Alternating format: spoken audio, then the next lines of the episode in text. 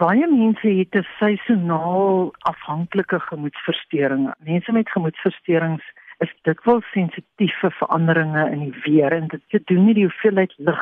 As die lig verander, met ander woorde daar's langer ure lig, dan kan die gemoedstoestand verander in mense wat sensitief is daarvoor. So lentetyd is ons gewoonlik baie besig. Daar's definitief 'n verhoging in mense wat se gemoedstoestand onstabiel raak wat dan angs, depressie of selfs bipolêre versteuring kan beïnvloed.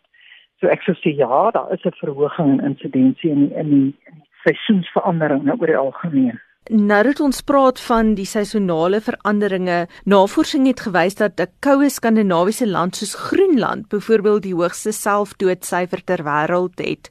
Hoe vergelyk Suid-Afrika daarmee? Ons selfoonsyfer is onbekend ongelukkig. Ons het nie goeie data nie. Kyk, die skandinawiese lande hou baie goeie data.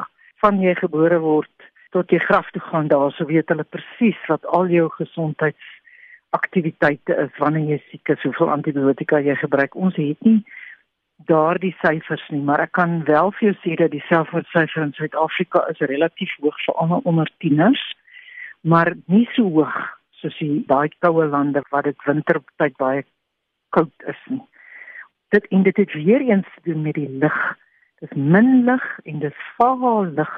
So ons ons deel van ons brein wat reageer op lig is die hypothalamus wat gekoppel is aan jou lig wat by jou optiese senuwee inkom. So as daar meer lig is, dan is ons gemoedstoestand geneig om beter te wees maar dan party mense kan dit ook omskakel in 'n depressie. So daar's 'n verandering met die lig. So ons het nie so hoë selfmoordsyfers soos hulle nie, maar ons word definitief ook beïnvloed deur die seisoene. Ons praat nou oor die lig, maar wat van Vitamiin D? Speel 'n tekort aan Vitamiin D ook 'n rol in angs en depressie? Hulle het 'n studie gedoen in Australië ruk terug oor die voorkoming van depressie. En hulle het gevind dat as jy as tiener wat jong mense tekort aan Vitamiin D het, dan het jy verhoogde risiko vir depressie. Die probleem is as jy eers die depressie het, dan help dit nie om die Vitamiin D toe te voeg nie. Wat hulle wel vind is dat in lande soos Australië is daar deesdae 'n groter tekort aan Vitamiin D en in Suid-Afrika meer en meer dokters toets daarvoor en ons vind dit. Daar is 'n tekort aan Vitamiin D. Ons kry dit nou so weg vir die son en ons al ons kinders in die son uit laat ons nie meer daai natuurlike bron van Vitamiin D benut nie. En dit is natuurlik 'n probleem want dit het definitief 'n invloed op gemoedstoestand. Ons weet nie presies in hoe ver dit so iets sou veroorsaak nie. En ons weet ook nie of om Vitamiin D toe te voeg jou gemoedstoestand gaan verbeter nie. Maar dit speel sekerlik 'n rol. So ek sê van baie van my pasiënte spandeer 20-30 minute in die son 'n dag sonder sonbrille, sonder 'n mouloos of 'n klere wat jou vel definitief blootstel aan die son vir 20 of 30 minute 'n dag want dit help beslis. In hierdie tydperk ja. wat ons nou ingaan met die seisonale verandering, ons luisteraars is meestal nie selfberaders nie. So wat moet ons doen as ons sien dat iemand na aan ons in 'n donker plek verkeer?